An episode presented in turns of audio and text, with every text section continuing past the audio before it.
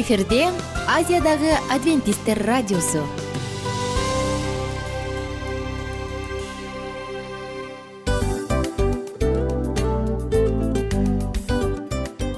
Достор салют. Баардык сүйүктүү угармандарыбызга салам айтабыз. Кутман күнүңүздөр менен. Ден соолук өмүрдүн булагы демекчи саламат саамы программасында баарыңыздарды көргөнүбүзгө абдан кубанычтабыз. Анда алгач амандашып өтөлү арбаңыздар деп. Ден соолугуңуздар кандай элибизде көбүнчө ден соолук кандай дегенде эле жакшы деп жооп беребиз э? ооруп турсак дагы жакшы дейбиз. Анан мен муну айтып ойлойт элем бул абдан сонун сөз депчи анткени бул жакшы деген үмүт да э ооба баары жакшы болот. Баары сонун.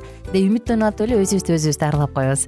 Анысы кандай? Сиздин дагы ден соолугуңуз жакшы беш деген үмүттөбүз чындыгында ден соолук бул өмүрдүн булагы деп бекеринен айтылган эмес деп ойлойм. Кыргыз элинде анткени эгерде ден соолук жок болсо анда адамдын жашоосунда калган баардык керектүү маңыздуу нерселер өзүнүн баалуулугун жоготуп коет. Ошондуктан ден соолук бул эң керектүү нерсе. Ооба туура айтасың кесиптешим. Чынында ден соолугуң жок бир эки үч күн ооруп калсаң эле э кандай болуп калат? Жашоодо көз каранды болуп каласың көп нерсеге жетишпей каласың көп нерсени кыла албай каласың жада калса эшикке дүкөнгө да чыга албай каласың. Туптуура анан ден соолук болсо демек биз биздин бактыбыз тотой деп койсок болот. Анда достор саламат саамы рубрикабызды баштайлы. Алдыда өзүңүзгө керектүү болгон сонун кеңештерди уга аласыздар. Мына ошондуктан биз менен бирге болуңуздар. Ал эми биз болсо милан жана айнура. Кеттик алга. Алга саламат саама ден соолуктун жарчысы. Саламат саама ден соолуктун ачкычы. Күн сайын сиз үчүн мыкты кеңештер сонун жаңылыктар кызыктуу фактылар. Биздин рубрикада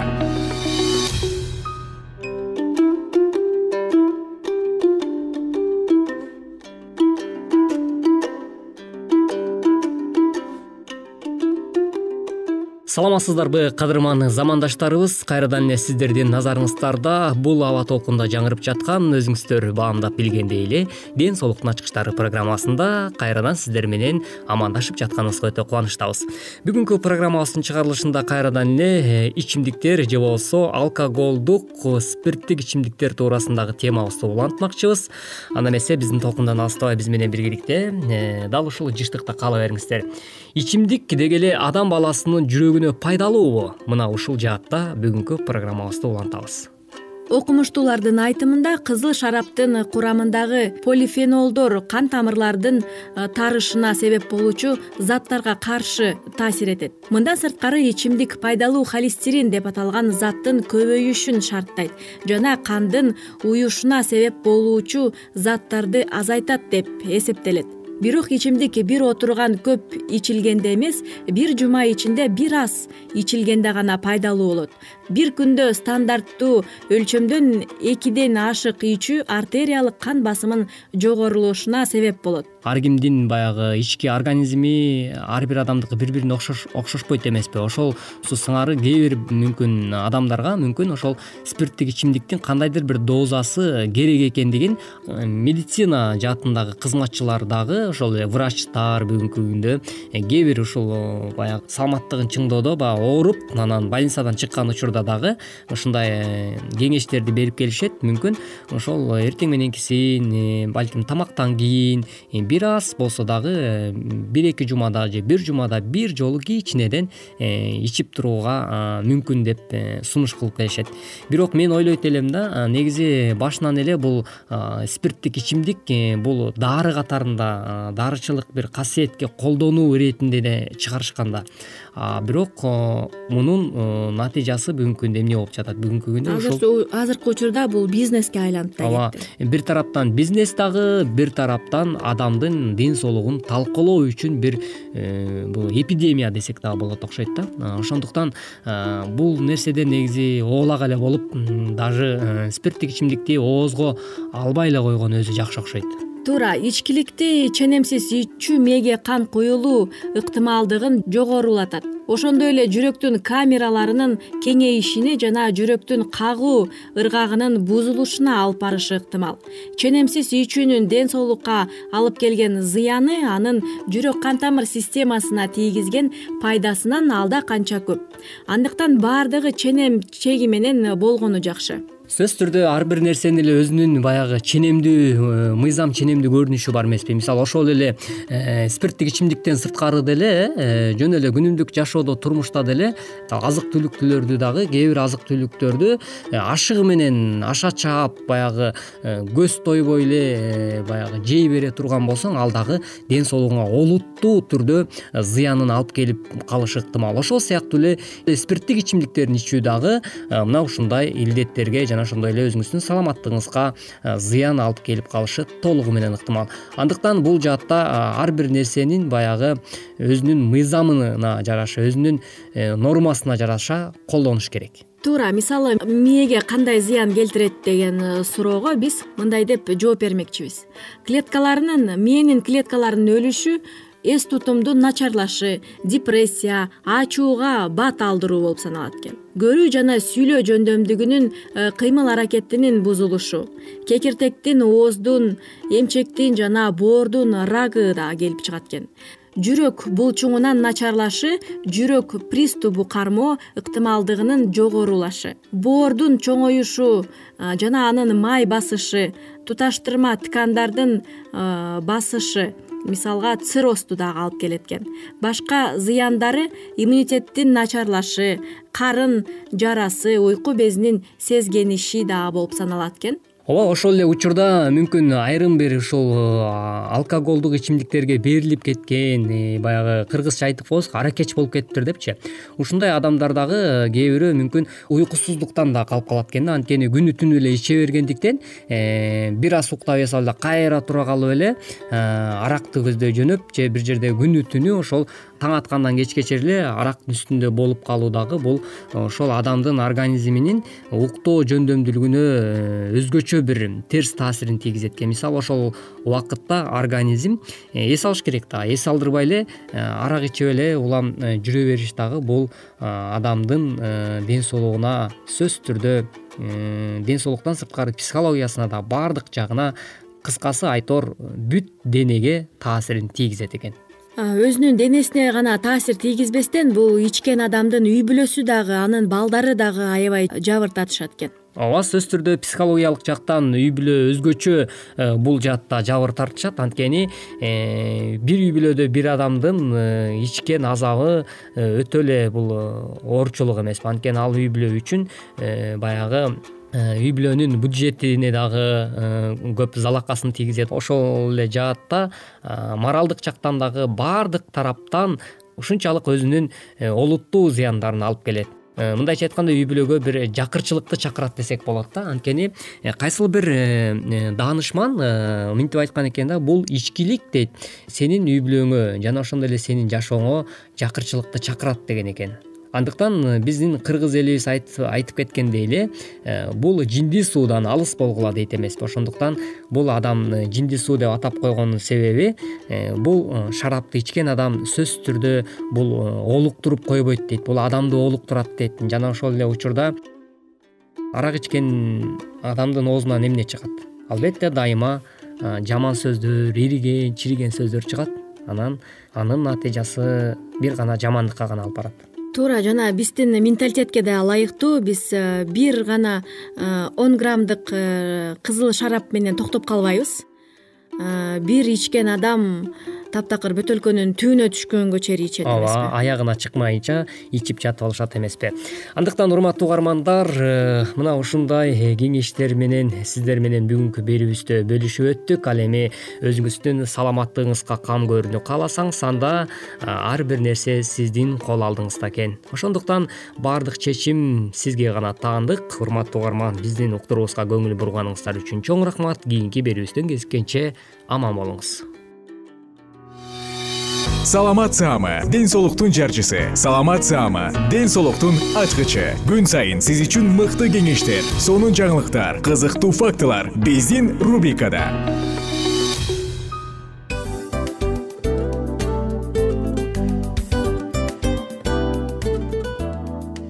Салют замандаштар баарыңыздарга ысык салам дил маек программабызга кош келиңиздер. Дил маек рубрикасы дегенде эле бул эмне болгон дил маек? Ким менен маектешебиз деп сурайт болуш керек угармандарыбыз. Бул рубриканы кыскача тааныштыра кете турган болсок ар тарап кесип ээлеринен болгон сонун интервью кеңештер бар ооба. жылдыздар менен болгон маек бар аталарыбыздын агаларыбыздын чоң аталарыбыздан сонун кеңештер бар ошондой эле эже сиңдилердин кеңештери бар. Айтор баардык кызыктардын баары алдыда негизи эле адам баласы бир кимдир бирөөнө ишенип сырын ачкысы келет эмеспи э мындай баарлашууга жакын келебиз го. Албетте.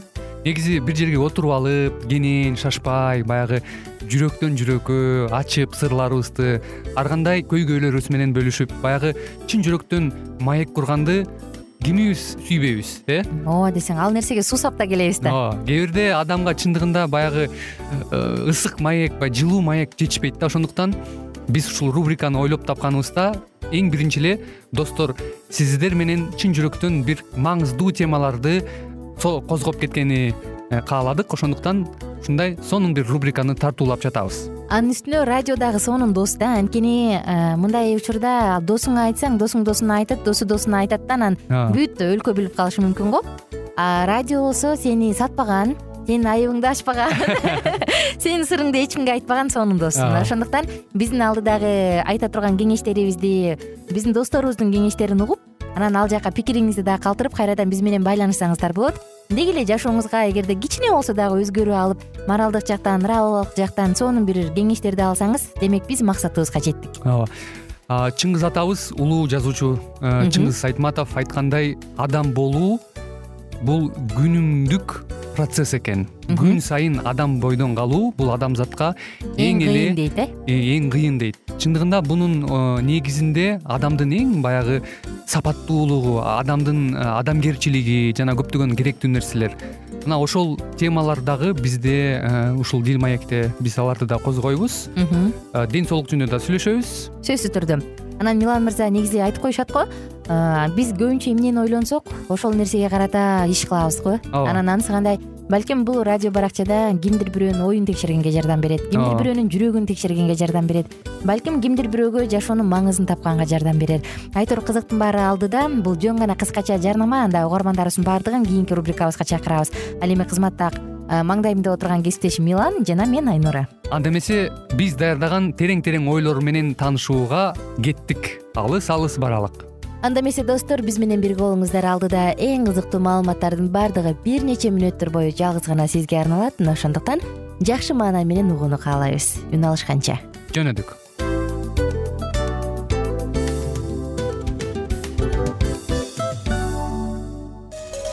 Ар түрдүү ардактуу кесип ээлеринен алтын сөздөр жүрөк ачышкан сыр чачышкан сонун маек дил маек рубрикасында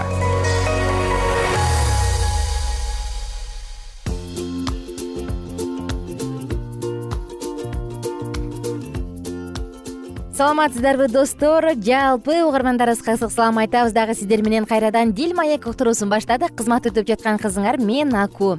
Достор бүгүн эң сонун күндөрдүн бири. Бүгүн да болсо айымдардын сүйүккөн бир эң жакшынакай иштеринин бири жөнүндө сөз кылабыз. Мына ошондуктан биз менен бирге болуңуздар.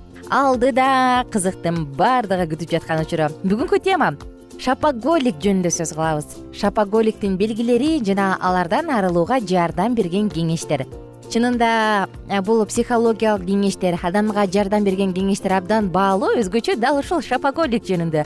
Мени менен кошулат болушуңуз керек макул болот болушуңуз керек. Анткени чынында э, мен өзүмдөн деле билем айлык алганда же капчыгыңда ашыгыраак акча болгондо ал сени кыйтыгылайт дагы дароо эле кийим кечек көзүңө көрүнө баштайт акчаң жок болсо да алгың келет. Айтор бул ооруга чалдыгасың же базардан дүкөндөрдөн жакшынакай кийим көрүп калсаң ии качан алам деп аны менен ооруп кечке бирөөнөн акча карыз издеп сурап анан чуркап барып аласың. Бирок кийимиң бир эки кийилет дагы шкафта катылган бойдон калат. Сизде болду беле мындай учур. Анда эмесе келиңиздер. Шапоголиктин белгилери жана алардан арылууга жардам берген кеңештер жөнүндө сөз кылалы шапоголик болуунун эки себеби кеңири тараган дешет. Бул биринчиси ата энеси жакшы кызматтарда иштеп балдарына жетише элек көңүл бурулбай калган бала жетишпеген көңүлдүн ордун кийим кечек менен толтуруп көнүп калат. Тагыраак айтканда ата энесинде акча бар убакыт жок. Ата энесинде баары бар бирок балдарына көңүл бурганга убакыты жок. Ошондой учурда алардын көңүл бурулбай калган жерин кийим кечек менен толтурганга жардам беришет дагы анан балдарды аябай модный саркеч кийимдерге көндүрүп коюшат. Экинчиси жетишпеген киде кембагал жашоо бала чактан жетпей калган нерсесин толуктоо максатында алар болгон аракетин жумшап болушунча кийим кечектерди сатып ала баштайт. Бул дагы байкалган нерсе керекпи керек эмеспи баягы плюшкиндей болуп баардыгын шкафка чогулта берет чогулта берет чогулта берет карасаң бир мешок кийим кие турганга келсең эч нерсе жок болуп калат. Эмесе достор шопоголиктин белгилери кандай? Келиңиздер бирге карайлы. Эң биринчиси шопоголиктин эң эле алгачкы белгиси дүкөн кыдыруу эң сонун эс алуу. Эгерде сиздин эс алууңуздун бир түрү дүкөн кыдыруу болсо ойлонуңуз. Эгер сиз бийик така суук аба ырайы же айлык тийбей жатканы дүкөн кыдырууга тоскоолдук жаратпай жатса демек ойлонушуңуз керек. Кыштын кыраан чилдесиби бутуңузда ыңгайсыз бут кийимби эч нерсеге карабай баары бир базар кыдырам десеңиз анда ойлонуңуз. Бул шопоголик оорусунун биринчи стадиясынын белгиси. Эс алууга толтура жер бар болсо дагы сиз кийим кечек саткан дүкөндөрдү тандайсыз. Психологдун кеңеши. Эс алуу күнү өзүңүздү кыйнап эле башка нерсе менен алек болуңуз. Мисалы велосипед тебиңиз досторуңуз менен жолугушуңуз биринчи жолу бул жагымсыз болуп сизди кийим кечек сатылган дүкөндөргө тарта берет. Бирок экинчи жолу дагы кайталана турсаңыз алаксый баштайсыз. Шопоголиктиктин экинчи белгиси пландалгандан көп коротосуз. Адамдын талаптарында ар кандай чыгымдар бар. Эгер сиз шоппинг үчүн саякаттоодон же даамдуулап тамактангандан баш тартууга даяр болсоңуз анда ойлонуш керек. Психологдор кандай кеңеш берет кийим кечек менен организм жашай албайт. Бул жаратылыштын мыйзамы. Ар бир айлык маянасын алганда керектүү гана нерсени сатып алам деп пландаштырыңыз. Эгер кармана албай кайра эле бутиктерден кийим сатып алып жатсаңыз өзүңүз үчүн жаза ойлоп чыгып жазалаңыз. Мисалы э эки жүз сомго бир нерсе жеп алайынчы. Курсагым ачты дейсиз дагы и андан көрө эки жүз сомго тиги байпакты же тигиндей ич кийимди алып алайынчы дей турган болсоңуз анда ойлонуңуз.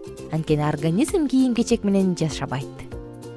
Психологдор үчүнчү кеңешти мындай дешет. Кийинки шопоголиктин белгиси жаңы кийим үчүн карыз акча аласыз. Акча жок бирок бутиктердеги кийим кечектер тынчтык бербей жатат. Мындай учурда банкка тааныш курбуларыңыздан акча карызга аласыз. Эми ойлонуп көрсөңүз балким токточу мезгил келгендир психологдор кандай кеңеш берет? Жакындарыбыз бизди моралдык финансылык кризис учурунда колдоп берет. Бирок бул ушундай учурбу? Албетте жок. Ошондуктан форс мажор учурунда гана жумушсуз калганда же дарыланууга каражат керек болгондо айласыз болгондо гана карызга алып көнүңүз. Кийим кечек үчүн карыз албаңыз. Менин жашоомдо да болгон бир жолу кийим кечек алып алып карызга алып ии андан кутула албай же пландаштырылган нерсем ишке ашпай аябай кыйналгам. Ошондуктан бул сизге ашыкча стрессти гана алып келет. Шопоголиктин кийинки белгиси бир күндөгү эң жакшы жаңылык распродажа. Чыныгы шопоголик качан кайсы жерде арзандатуу болоорун билет дагы ошол күнү баарын таштап салып учуп жөнөйт. Кеңеш заманбап бутиктердин бум деген баанык коюунун картинасын бузуп салышты. Баардык шопоголиктер токсон пайыз арзандатуу бул бактылуу лотереялык билет эмес экенин биле жүргөнү жакшы. Бул дүкөндөрдүн грамоттуу саясаты дүкөндөрдө илинип турган арзандатууларга илинбеңиз ал жаман сапаттагы кийим же көптөн бери жатып калган товар болушу да ыктымал. Анан сатып алгандан кийин капа болуп бир аздан кийин кайра башка бутикке чуркап каласыз ошондуктан абайлаңыз. Жана бешинчи шопоголиктин белгиси гардероб толгон бирок кийгенге эч нерсе жок. Шкаф толуп турат бирок кезектеги жолугушууга кийгенге эч нерсе жок.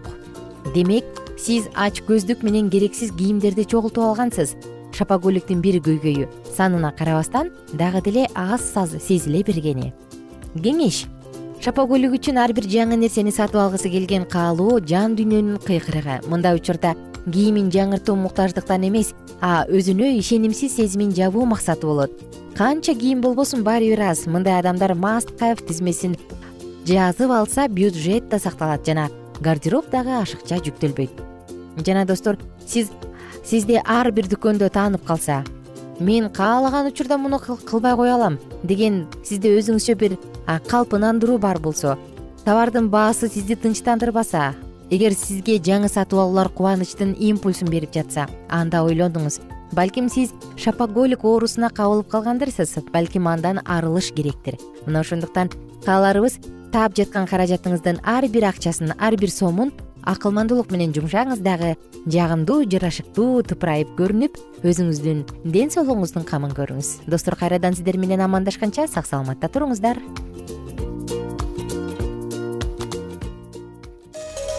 ар түрдүү ардактуу кесип ээлеринен. Алтын сөздөр жүрөк ачышкан сыр чачышкан сонун маек. Дил маек рубрикасында.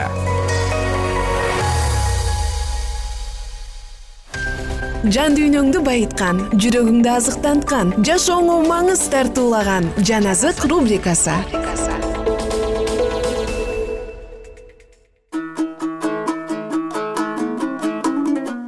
салам достор кайрадан улуу күрөш китебин улантууга келдик. Эмесе бел байладык. Биз менен бирге кызыктуу окуялардан бирге угуңуз. Ал эми жарым жумалыкта курмандык чалуучулар токтотулат. Өзүнүн сууга чөмүлгөнүнөн үч жарым жыл өткөндөн кийин отуз биринчи жылы машаяк айкаш жыгачка керилген. Голгофага ушул улуу курмандык алынып барылгандан кийин төрт миң жыл убакыт кудайдын курмандык козусун сүрөттөгөн курмандык чалуулар токтотулган айкашкан жыгачта сүрөттөгөн курмандык менен чыныгы курмандык кездешкенде жана ушул жерде ушул мезгилден баштап баардык курмандык чалуулар жана ага караштуу эрежелер токтотулмак. Иудейлер үчүн өзгөчөлөнүп берилген жетимиш жума же төрт жүз токсон жыл биз көргөндөй машаяктан кийинки отуз төртүнчү жылы аяктаган. Бул мезгилде иудейлердин снедриону аркылуу стефанды таш бараңга алып өлтүрүп жана машаяктын жолдоочуларын куугунтукташып калайык калк өздөрүнүн жакшы кабардан баш тарткандыктарын билдиришкен. Ушул окуядан кийин куткаруу планы иудейлердин аймагынан чыгып жана баардык дүйнөгө таратыла баштаган. Куугунтукталгандар шакирттегер иерусалимди калтырышып барган жерлеринде сөз таратып жүрүштү. Ошондой эле филипп дагы самария шаарларына келип жана аларга машаяк жөнүндөгү кабарды таратып жүрдү. Кудай аркылуу дайындалган петр дагы кесариядагы жүз башчысына кудайдан корккон корнилийге куткаруу планын ачып берет. Ал эми кудайга өтүп берилген павел ыйсага ишенип бул кабарды алыскы бутпарас элдерине жарыялаш үчүн жолдомо алган. Пайгамбарлардын ар бири так аткарылган. Жана жетимиш жуманын башталышы машаякка чейин төрт жүз элүү жетинчи жылы башталып ал эми бул мезгилдин аягы машаяктан кийинки отуз төртүнчү жылы аяктаган ушул жылдарды так коюу менен эки миң үч жүз күндүн качан аяктай тургандыгы дагы белгилөө кыйын эмес. төрт жүз токсон жылдан кийин өтө турган дагы бир миң сегиз жүз он күн анын артында турду. Машаяктан кийинки отуз төртүнчү жылдан бир миң сегиз жүз он жылды эсептеп биз бир миң сегиз жүз кырк төртүнчү жылга келебиз. Даниил китебиндеги сегизинчи баптагы айтылган эки миң үч жүз күн бир миң сегиз жүз кырк төртүнчү жылы бүтмөк. Ушул улуу пайгамбарлыктын аякташы менен кудайдын жарчысынын күбөлөндүрүүсү боюнча касиеттүү жайдын тазаланышы керек болчу. Баардык эсептегендей машаяктын келишиндеги касиеттүү жайдын тазалануусу кайсыл мезгилде боло тургандыгы белгилүү болду. Башталашында миллер жана анын жактоочулары эки миң үч жүз жыл бир миң сегиз жүз кырк төртүнчү жылдын жазында аяктайт деп эсептешкен. Бирок пайгамбарлык анын бир миң сегиз жүз кырк төртүнчү жылдын күзүндө деп көргөзгөн. Ыйык жазуунун ушул жерин туура эмес түшүнгөндүк машаяктын келиши жазында болот деген адамдардын көңүл калуусуна алып келди. Бирок бул болуп жаткан нерселер эки миң үч жүз күндүн бир миң сегиз жүз кырк төртүнчү жылы аякташына келген чындыгын буза алган жок. Бирок бул жылы улуу иш болмок бул касиеттүү жайдын тазаланышы менен байланыштуу эле.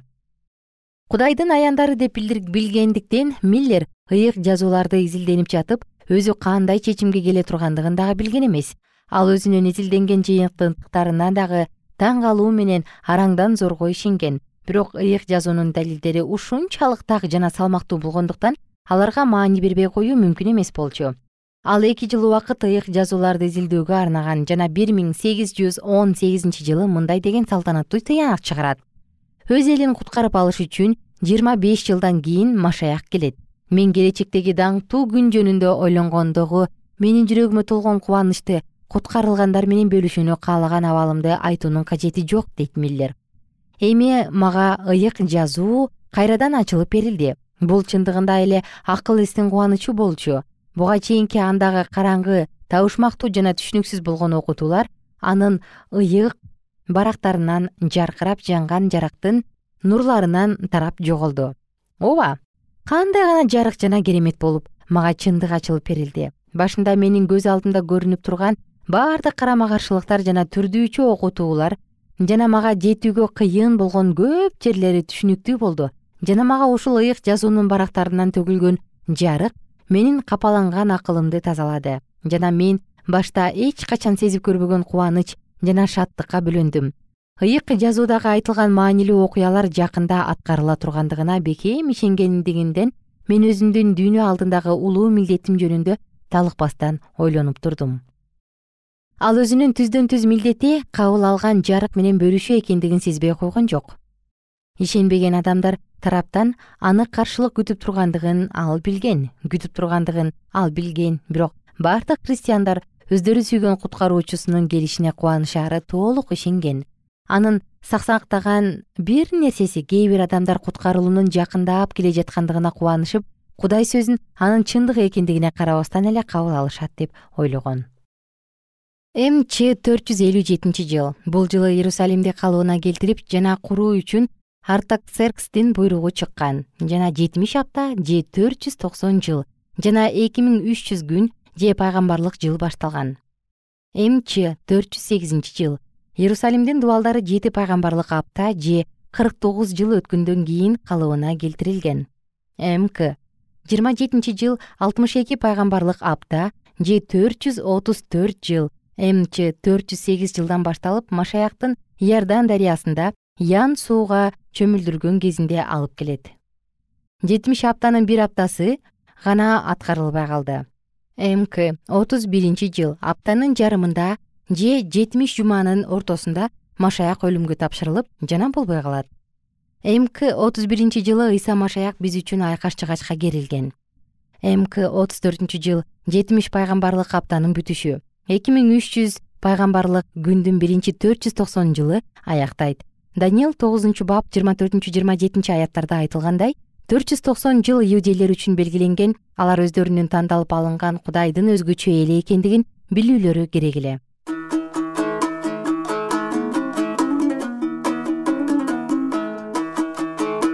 ардактуу достор сиздер менен даталарга байланыштуу болгон кызыктуу окуяны бүгүн да окуп өттүк. Кийинки уктурууда улуу күрөш китебин бирге улантабыз. Ага чейин сак саламатта туруңуздар. Ар бириңиздерге кааларыбыз. Ден соолук оорубаңыздар.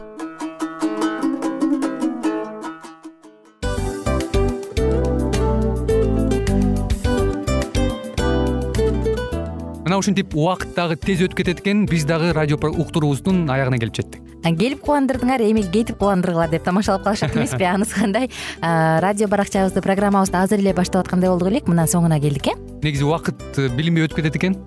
Мен дагы э, убакыт дегенде бүгүн бир адам менен сүйлөшүп калдым. Анан убакыт бул мүмкүнчүлүк деп айтып өзүмө өзүм айтып алып анан мага өзүмө эле кайра ачылыш болду да чын эле Э, карап отурсаң ошол эле жыйырма төрт саат ошол эле жарым саат кайталанып атат бирок сендеги мүмкүнчүлүк жок ошол кой берилип кетти? Анысы кандай? Бүгүнкү сонун убактыңызды алтындай болгон жарым саатыңызды бизге бөлүп арнаганыңыз үчүн ыраазычылык айтабыз. Анан жашооңуздун кайсы бир сферасын өзгөртө турган сонун пайдалуу кеңеш алган болсоңуз анда биз максатыбызга жеттик. Анан ушул нерсени кылбасам десеңиз ошол өзгөрүүлөрдү кичинекей кадамдардан баштап иш жүзүнө ашырыңыз дагы жашооңузда чоң чоң ийгиликтерге жетиңиздер. Чын жүрөктөн ар бир берилген кеңештер сөздөр сиздерге пайдасын алып келет деп ишенебиз. Жана кийинки уктурууларда сөзсүз түрдө чыдамсыздык менен сиздерди күтөбүз. Сагынычтуу салам айтып кайрадан дал ушул жыштыктан баардыгыңыздарды тосуп алганча. Кызматта мен айнура жана кесиптешим милан. Анда кол пулга алайбыз жалпыңыздарга ийгиликтүү күн. Саламатта калыңыздар